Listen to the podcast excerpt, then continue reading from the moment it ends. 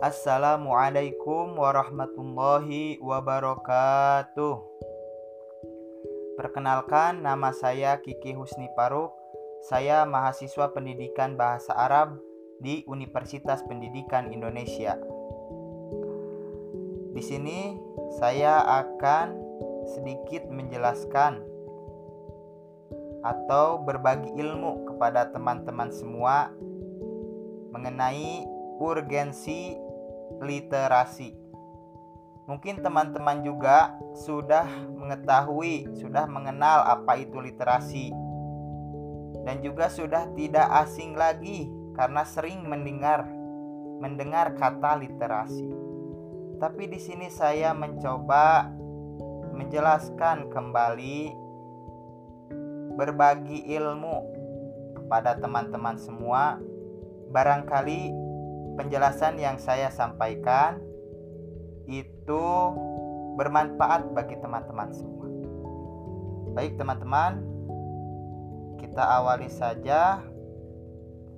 Mungkin saya akan e, menjelaskan terlebih dahulu definisi literasi. Jika merujuk kepada bahasa Latinnya, berarti literatus, yaitu orang yang sedang belajar. Education Development Center menjabarkan pengertian dari literasi, yaitu kemampuan individu untuk menggunakan potensi serta skill yang dimilikinya, dan tidak sebatas hanya kemampuan baca tulis saja. Nah, itu menurut Education Development Center. Kalau menurut Chris dan Jungle Blood dalam buku literasi Profile of American Young Adult mendefinisikan literasi sebagai kemampuan seseorang dalam menggunakan informasi untuk mengembangkan pengetahuan sehingga mendatangkan manfaat bagi masyarakat. Kalau menurut Wells, terdapat empat tingkatan literasi, yaitu pertama performatif, kedua fungsional, ketiga informasional, dan yang keempat epistemik.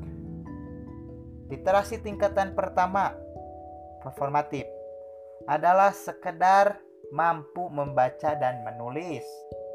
Literasi tingkatan kedua, fungsional, adalah menunjukkan kemampuan menggunakan bahasa untuk keperluan hidup atau skill survival. Literasi tingkatan ketiga adalah menunjukkan kemampuan untuk mengakses pengetahuan. Dan terakhir, epistemik literasi yang keempat menunjukkan kemampuan mentransformasikan pengetahuan. Itu mungkin definisi uh, literasi dari beberapa ahli. Namun bagi semua orang, mungkin perspektif tentang literasi itu mereka menafsirkan bahwa literasi hanya sebatas membaca dan menulis. Tapi menurut saya, literasi lebih dari itu. Literasi adalah bagaimana kita meningkatkan sumber daya manusia. Literasi adalah memahami agar apa? Agar informasi yang kita konsumsi bisa diterima dengan baik dan tidak menimbulkan miskonsepsi dan dari bacaan tersebut. Sangatlah berbahaya jika kita tidak bisa memahami isi dari sebuah bacaan. Hal ini yang menyebabkan hoax tersebar di mana-mana. Misalnya, kita mendapatkan informasi dari grup WhatsApp yang belum pasti kebenarannya. Lalu kita baca tanpa kita pahami. Setelah itu kita share yang pada akhirnya berita itu bohong. Itu semua dapat merugikan orang lain. Contoh lainnya, saya sebagai mahasiswa pendidikan bahasa Arab pasti sudah tidak asing lagi dengan jurnal bahasa Arab, buku bahasa Arab, dan lain sebagainya. Akan tetapi, jika saya hanya sebatas membaca tanpa memahami, dan setelah itu saya menginformasikan materi tersebut kepada teman-teman saya, maka akan menyebabkan kesalahan yang fatal. Jadi, membaca dan memahami merupakan dua unsur yang sangat penting yang harus ada di dalam literasi.